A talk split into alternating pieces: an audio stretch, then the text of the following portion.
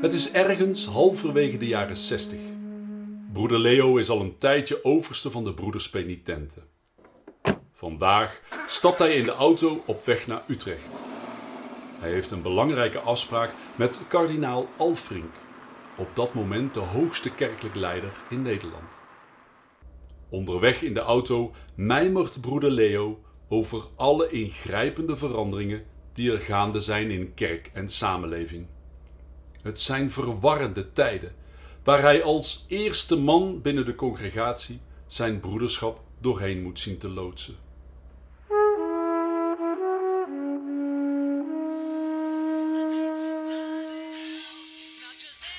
Op de autoradio klinken de Beatles met een van hun laatste hits. Help, I need somebody help. De woorden die John Lennon zingt treffen precies de reden van zijn bezoek. Als hij zijn auto voor het aartsbisschoppelijk paleis aan de Malibaan in Utrecht parkeert, weet hij het zeker. Wil de broederschap van de broederspenitenten toekomst hebben, dan moet het roer radicaal om. Als hij aanbelt, weet hij wat hem te doen staat in het gesprek met de kardinaal. Hij komt vragen om hulp. Hulp bij het concreet vormgeven van een moeilijke, maar noodzakelijke keuze van de broederschap. Om de verantwoordelijkheid voor de zorg in hun instellingen voor geesteszieke en geesteszwakke mensen over te dragen aan leken.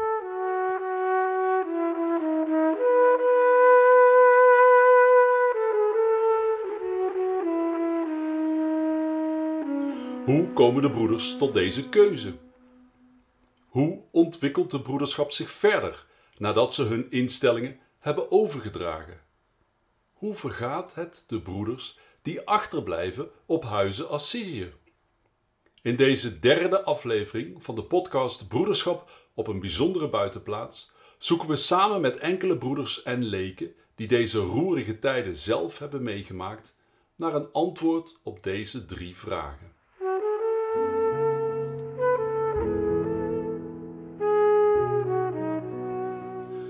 Mijn naam is Michael Kolen en tijdens het jaar van het Brabants kloosterleven in 2021 onderzoek ik in deze podcast de vraag naar de betekenis van de broederschap van de stichters van Landpark Assisië, de Broeders Penitenten. En in het verlengde daarvan naar de betekenis van nieuwe vormen van broederschap op deze plek in onze tijd. Bijna 300 jaar lang gaan de broeders op plekken tussen de mensen wonen om daar vanuit hun Franciscaans ideaal eenvoudigweg beschikbaar te zijn. Het gaat de broederschap telkens opnieuw om het laten zien dat er altijd een andere ordening van samenleven mogelijk is dan de bestaande mainstream ordening. Echter, aan het begin van de jaren 60 zijn de broeders als onderdeel van de verzuilde samenleving zelf de mainstream ordening geworden. De broederschap als levensvorm, die bijna drie eeuwen lang het in vrijheid en gelijkheid samenleven juist mogelijk maakte, lijkt nu geen weg meer te kunnen vinden in de veranderende tijden. Nieuwe tijden die zich paradoxaal genoeg kenmerken door het streven naar vrijheid en gelijkheid. Toen uh, veranderde in één keer alles. Dat was heel gek. En dat was ook in de tijd dat de broeders allemaal uittraden. En dat in één keer de broeder weer terugkwam, niet in toog, maar uh, gewoon een pak. En even later dat hij getrouwd was. Nou, het, ging vooral over dat je dat uh, religieuze verhaal, die verbinding naar de Heer, naar God, daar had je niks mee. En dat was iets wat, dat is inderdaad de jaren 60 gezegd nee, uh, zo'n soort autoriteit die, die buiten ons ligt en zo, dat is niet meer iets wat we wilden. En het ging over autoriteit in het algemeen. Nee, dat is één aspect, maar het, wat je nu zegt, het ging over autoriteit in het algemeen. Het ging over autoriteit in het algemeen, dat begon, ja. dat begon in één keer af te brokken. Ja. De studentenopstanden kwamen, de studentenvakbeweging. Ja, maar die autoriteit zat natuurlijk sterk in die kerk verankerd, in die nee, regie van de kerk. ook in de kerk, maar ook, ook in het gewone leven. En dus ook, in je, en dus ook in je ouders, hè? Goed, met ouders. Met alles, ouders. alles liep door, dat was gewoon een... Uh, ja, het, was, het ging vooral tegen het gezag. We horen hier de stemmen van Peter van Weert, Geert van Pelt en Dree Mulders. Zij zijn de generatie leken die het werk in de zorg op huizenassise enige jaren later van de broeders over zullen nemen.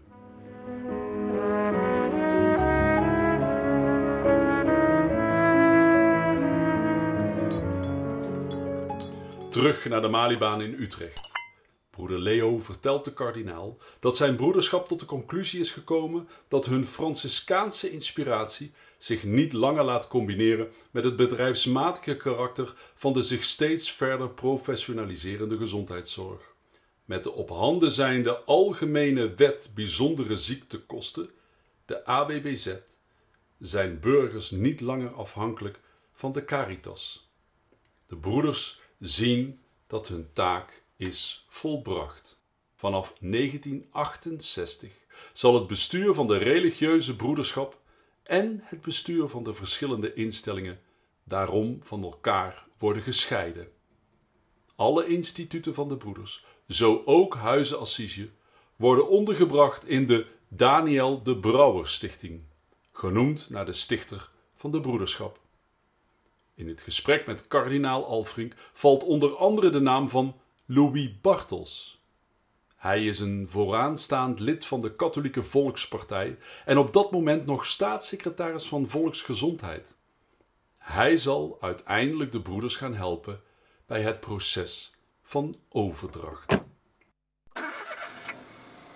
Broeder Leo rijdt tevreden terug naar huis. Er is uitzicht op de hulp die hij zocht. Maar daarmee zijn zijn zorgen niet voorbij. Hij voelt dat er een tweespalt dreigt in zijn broederschap. Er is een groep met name jonge broeders die met de broederschap enthousiast nieuwe wegen in wil slaan en het oude leven in de zorginstellingen zonder heimwee los wil laten. Maar er zijn ook broeders voor wie het leven op de instituten een levenskeuze is geweest, die ze vaak al op hele jonge leeftijd hebben gemaakt. Broeder Leo weet dat deze groep hem zal verwijten dat met deze keuze de broederschap in hun ogen failliet wordt verklaard. Broeder Dominicus vertelt hoe het besluit van de overdracht door verschillende van zijn medebroeders werd ervaren. Ja, dat was Leo Bonenkamp. Hij was eigenlijk zijn tijd een beetje vooruit, ja, vergeleken bij de broeders. Want er waren er toch bij die dat niet uh, zo fijn vonden om die overdracht en al die toestanden. En hij zette toch door. En hij had toch de moed gehad om naar de Malibaan in Utrecht naar de kardinaal te gaan om te vragen hoe die dat, de vork aan de steuk. En toen is Bartels, en dat, die was staatssecretaris en, en Versoest. En die, die hebben toen een aanbeveling gedaan en die zijn toen verder gegaan. Hoe vergaat het ondertussen de broeders op Huizen Assise? Ook hier is er veel verwarring onder de broeders. Het oude vertrouwde kloosterleven van de broeders, dat is gebaseerd op armoede, zuiverheid en gehoorzaamheid, wordt ook van binnenuit geconfronteerd met een tijdgeest die zich kenmerkt door precies tegenovergestelde bewegingen. Bewegingen die gaan over groeiende welvaart, seksuele revolutie en roep om democratisering. Peter Wouters, die meer dan twee decennia pastor is op Huizen Assise, vertelt hierover. En uh, in die periode is ook de secularisatie op gang gekomen. In die periode begint heel de maatschappij te veranderen. Dan krijg je ook 60, 70 jaar de kabouters in Amsterdam. De, heel, de politiek, de mentaliteit, de, alles verandert. In de tijd dat broeder Leo bij de kardinaal op bezoek gaat, is broeder Casper op Huizen Assise getuige van een gebeurtenis die de pijn en de tweespalt in de broederschap heel zichtbaar maakt. Broeder Overste van Huizen Assise en de toenmalige rector, rector van Hoek, hebben enkele medewerkers de opdracht gegeven om s'nachts, zodra alle broeders naar bed zijn, een aantal heilige beelden, die de kapel rijk is, van hun consoles te verwijderen en af te voeren. Broeder Kasper heeft hier weet van en komt, zoals staat beschreven, die nacht twee keer uit zijn bed om het tafereel met betraande ogen te aanschouwen. Later worden de beelden per roeiboot naar het midden van de nabijgelegen leemputten gebracht, waar ze worden gedumpt. Omdat ze hol zijn en niet willen zinken, krijgen deze acht eerwaarde slachtoffers nog een stevige tik op hun heilige koppen, zodat ze barsten en alsnog ad fundum maris naar de bodem van deze zandafgraving verdwijnen. Zo schrijft Peter Wouters in zijn boek over 100 jaar geestelijke zorg op Huizen Assisi.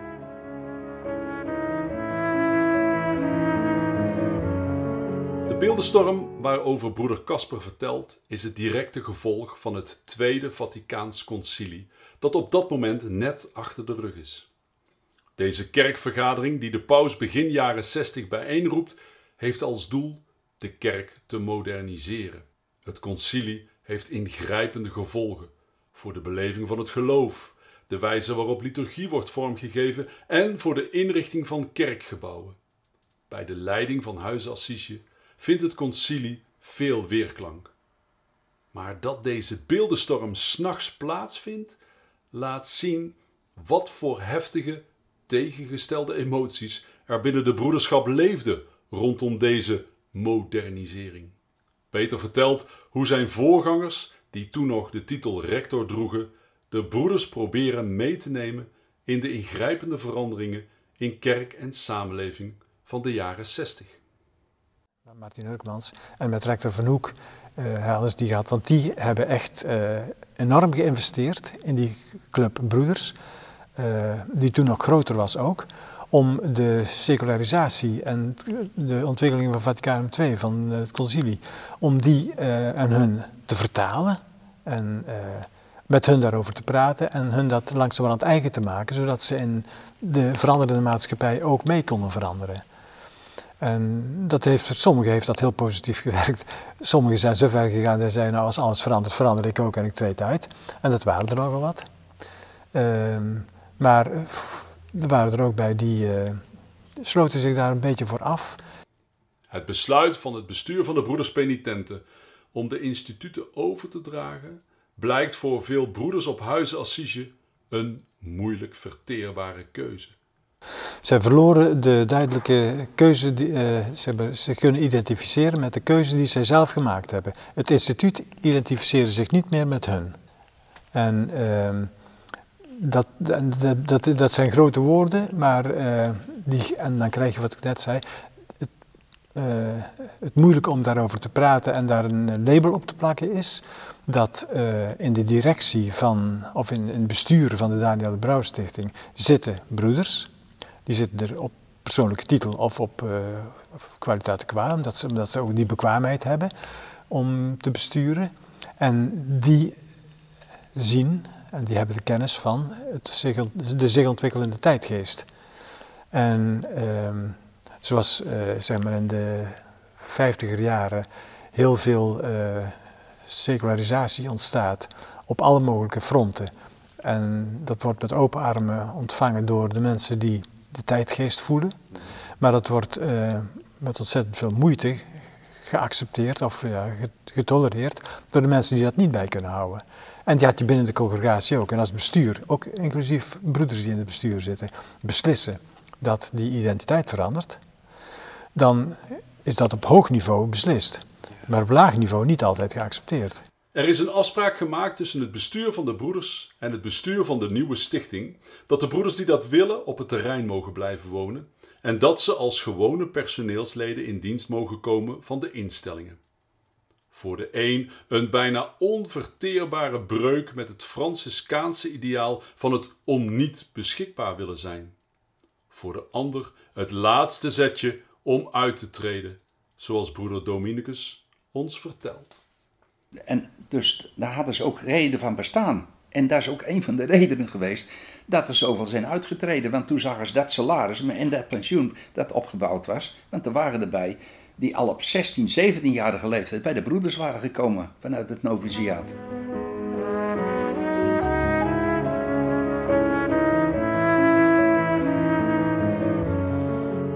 Op de vraag hoe het de broeders die na 1968 achterblijven op huizen Assise vergaat, komen we later in deze aflevering terug. Nu eerst de vraag hoe de broederschap van de penitenten na de overdracht van de instituten zich bezint op haar toekomst als religieuze leefgemeenschap. Broeder Leo is niet alleen druk met de voorbereidingen van het afscheid van het aloude caritatieve werk in Nederland, hij zoekt ook naar nieuwe goede werken. Door de van oudsher stevige band tussen de broeders en de Kapucijnen dient zich een mogelijkheid aan om missiewerk te gaan doen in Chili. Daar gaan de broeders, in lijn met hun eigen geschiedenis in Nederland, een bijdrage leveren aan de opbouw van gezondheidszorg en onderwijs.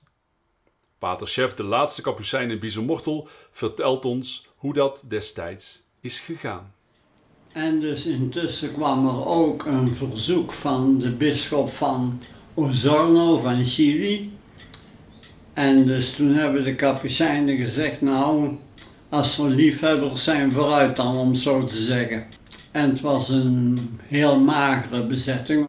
En dus toen zijn de broeders van penitenten van Assisi, die er min of meer uh, ja, daar geen werk meer hadden, laat ik het netjes zeggen, die zijn toen bij ons gekomen bij Chili. Vooral jonge broeders zagen de missie als een mogelijkheid hun religieuze leven opnieuw vorm te geven. Zich persoonlijk verder te ontwikkelen en natuurlijk lonkte voor sommigen ook het avontuur in verre oorden. Ondanks veranderende tijden was het echter in de sfeer van het oude kloosterleven afwachten of je door het bestuur werd gekozen om te gaan. Dat zorgde soms voor hevige teleurstellingen bij broeders die hun zinnen hadden gezet op deze nieuwe uitdaging. Broeder Savio vertelt over de teleurstelling bij zijn medebroeder Edmund. Ja, goed, en toen was het, toen was het plotseling die missie die, uh, die er was. Hè? Die, die kwam in 64 uh, eh, op ons pad. En misschien heeft dat mij ook nog wel een beetje getriggerd om voor deze gemeenschap te kiezen. De, misschien hopende op nog wat, wat missiewerk gaan doen of zo. Ik denk dat, dat toen soms pijn geleden is omdat broeders niet konden doen en die ze graag zouden willen doen. Ik, weet van mijn medebroeder Edmund dat hij dat heel graag had willen doen en dat hij zich helemaal al had geprepareerd om daar naartoe te gaan. En toen uh, werd er door het bestuur gezegd nee. En het verdriet daarvan is immens groot geweest voor hem. Niet alleen in Chili, ook dichter bij huis wordt de broederschap gevraagd zich in te zetten voor andere goede werken. In 1968, het jaar dat de broeders in Nederland afscheid nemen van de zorg, komt vanuit Duitsland de vraag mee te komen werken in de zorg voor zwakzinnigen. De zwakzinnige zorg in Duitsland loopt op dat moment achter en kan de ervaringen en kundigheid van de broeders goed gebruiken. Daarna ben ik naar Duitsland gegaan. Eh, vanuit, eh, toen ik in het klooster was en ik was goed en wel in het klooster, zei ze ga maar naar Duitsland, ga daar maar eens wat, uh, wat anders doen. Ga maar eens een huis bouwen voor mensen met een verstandelijke beperking. Maar die waren er niet meer. Er was geen weten meer. Enige jaren later vertrekt een van de broeders naar de missie in Ghana en gaat broeder Dionysius, waar we zo dadelijk nog op terugkomen, naar de missie in Tanzania. De Brabantse broeders slaan hun vleugels uit over zo'n beetje de hele wereld. Maar de stille hoop dat er in de nieuwe landen ook nieuwe roepingen zullen ontstaan die de broederschap toekomst geven, zal uiteindelijk geen werkelijkheid worden.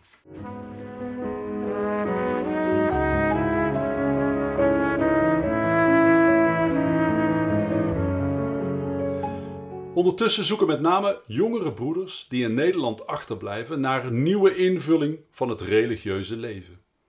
De broeders die niet op één van de instituten blijven wonen, ook niet in de missie in het buitenland gaan werken, gaan begin jaren 70 wonen in kleine communiteiten verspreid over Nederland. Een van de vernieuwende experimenten om tot een nieuwe vorm van religieus leven te komen, is de zogenaamde blokkendoosgroep.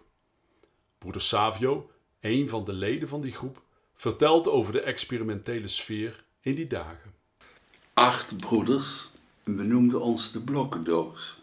En wij gingen met blokken spelen.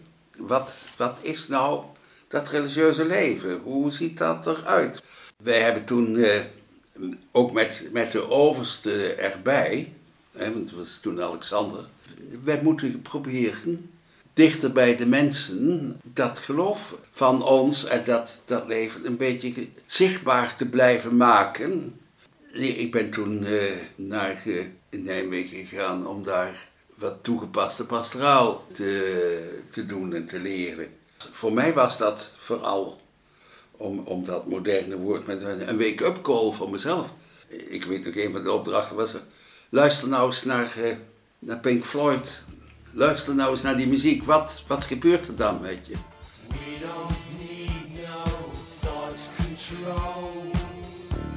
Dat was totale breuk met het religieuze leven wat ik eh, daarvoor gewend was.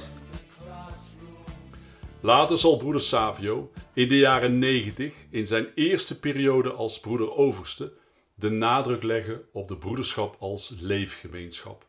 En aan de Poortenstraat in Tilburg een congregatiecentrum inrichten waar de broeders een plek hebben om samen te komen.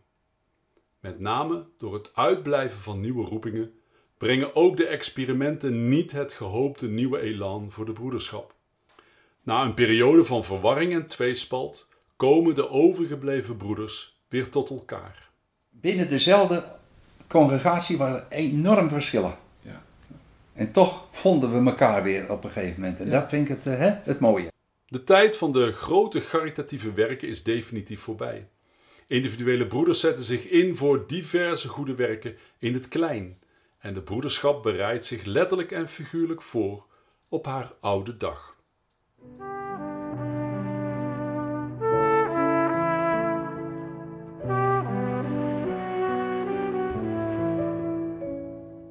Zoals beloofd komen we terug op de vraag hoe het de broeders die achterblijven op Assise vergaat vanaf het moment van overdracht.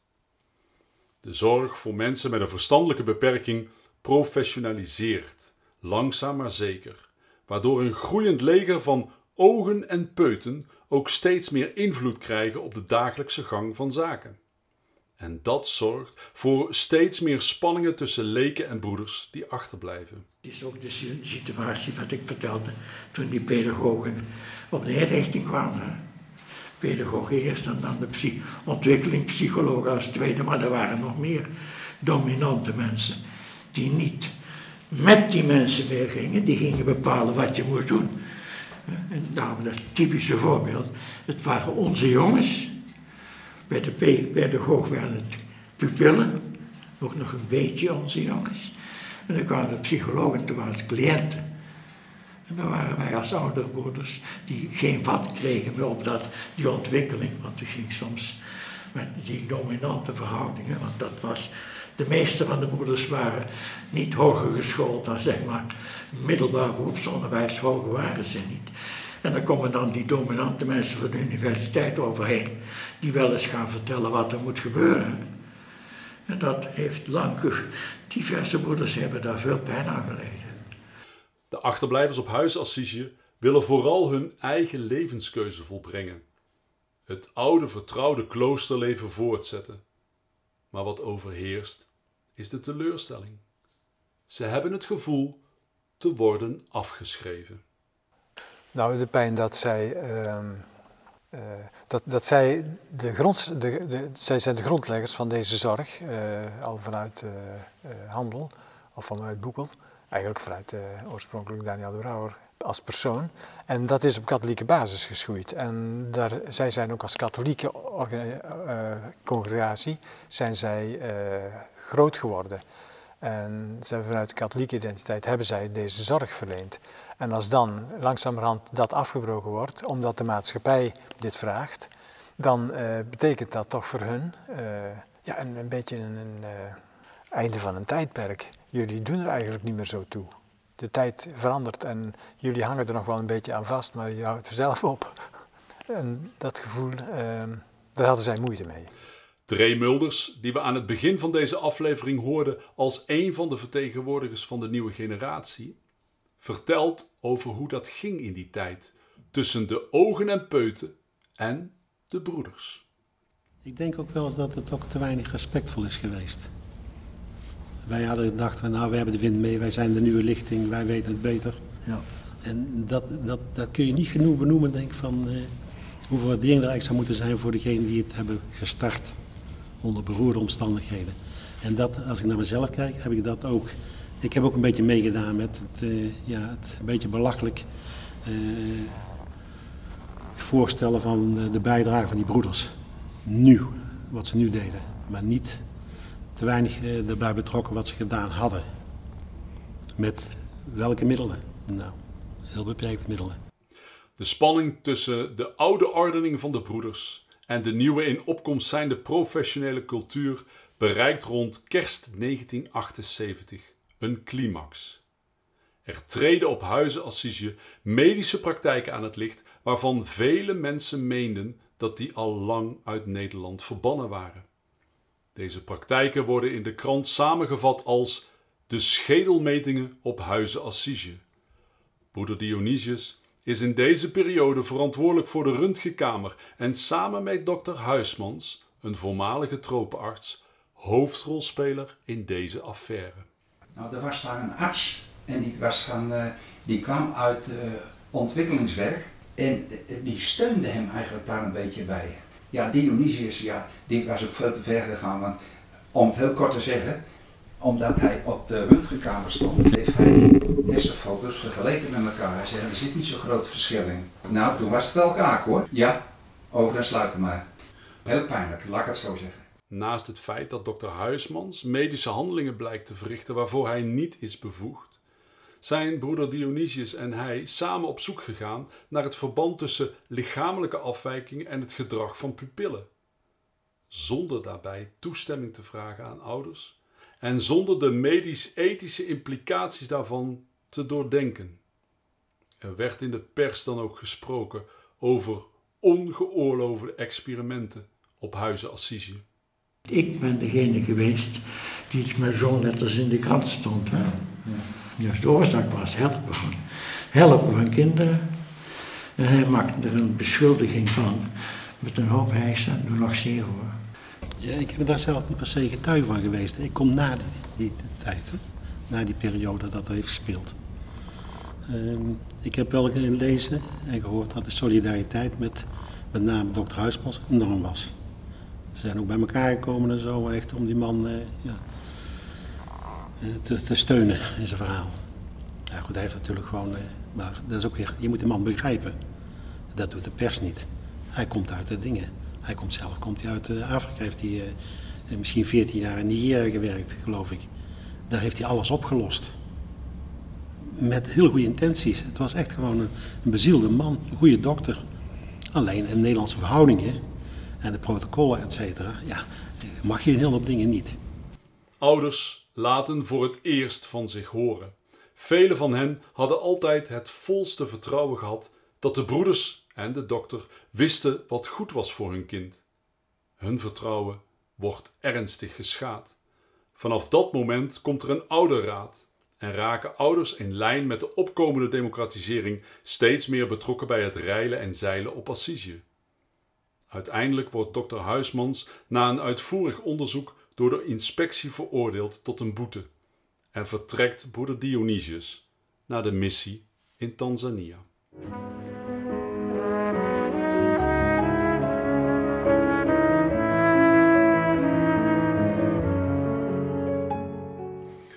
Op 1 maart 1979 gaat broeder Matthias als laatste religieus in de verpleging met pensioen. Enkele jaren later, in 1987, wordt de Daniel de Brouwer Stichting opgeheven en gaat Huizen Assise als zelfstandig instituut verder. De heilige namen van de paviljoens worden dan vervangen door eigen tijdse benamingen. Verder wordt de zogenaamde tram een verbinding tussen het hoofdgebouw, waar inmiddels de nieuwe directie is gehuisvest, en de kapel afgebroken. Religie domineert niet langer het gehele leven op Huizen Assise, maar wordt iets van de privésfeer. Eind jaren 90 wordt het broederconvent op Huizen Assise opgeheven. De meeste achterblijvers hebben hun levenskeuze op Assise kunnen volbrengen en vinden hun laatste rustplaats op de begraafplaats van Assise, waar ze ook na hun dood onderdeel blijven van de gemeenschap waar ze zich hun leven lang voor hebben ingezet. Was de spanning tussen Ora uit Labora, tussen bidden en werken, altijd aanwezig binnen de broederschap op Huis Assisië? De woelige jaren 60 brengen de broederschap in verwarring over het bidden zelf. En ook de steeds verder professionaliserende zorg botst met het religieuze leven. Uiteindelijk verlaten de broeders Huizen Assisië. Maar je kunt je afvragen of daarmee broederschap op deze bijzondere buitenplaats ook verdwijnt. Ik denk eigenlijk dat uh, solidariteit en wederkerigheid, dat dat eigenlijk dezelfde bron was. Waar dat vroeger vanuit een religieus kader was, is dat nu meer vanuit een breder zingevingskader. Maar in essentie is het nog steeds je willen verbinden aan een groter geheel vanuit ideële menselijke waarden. Deze vraag verkennen we in de vierde en laatste aflevering van de podcast Broederschap op een bijzondere buitenplaats. Een podcast gemaakt vanuit de Franciscuskapel op Landpark Assisi. En de muziek is van Erik Vloeimans.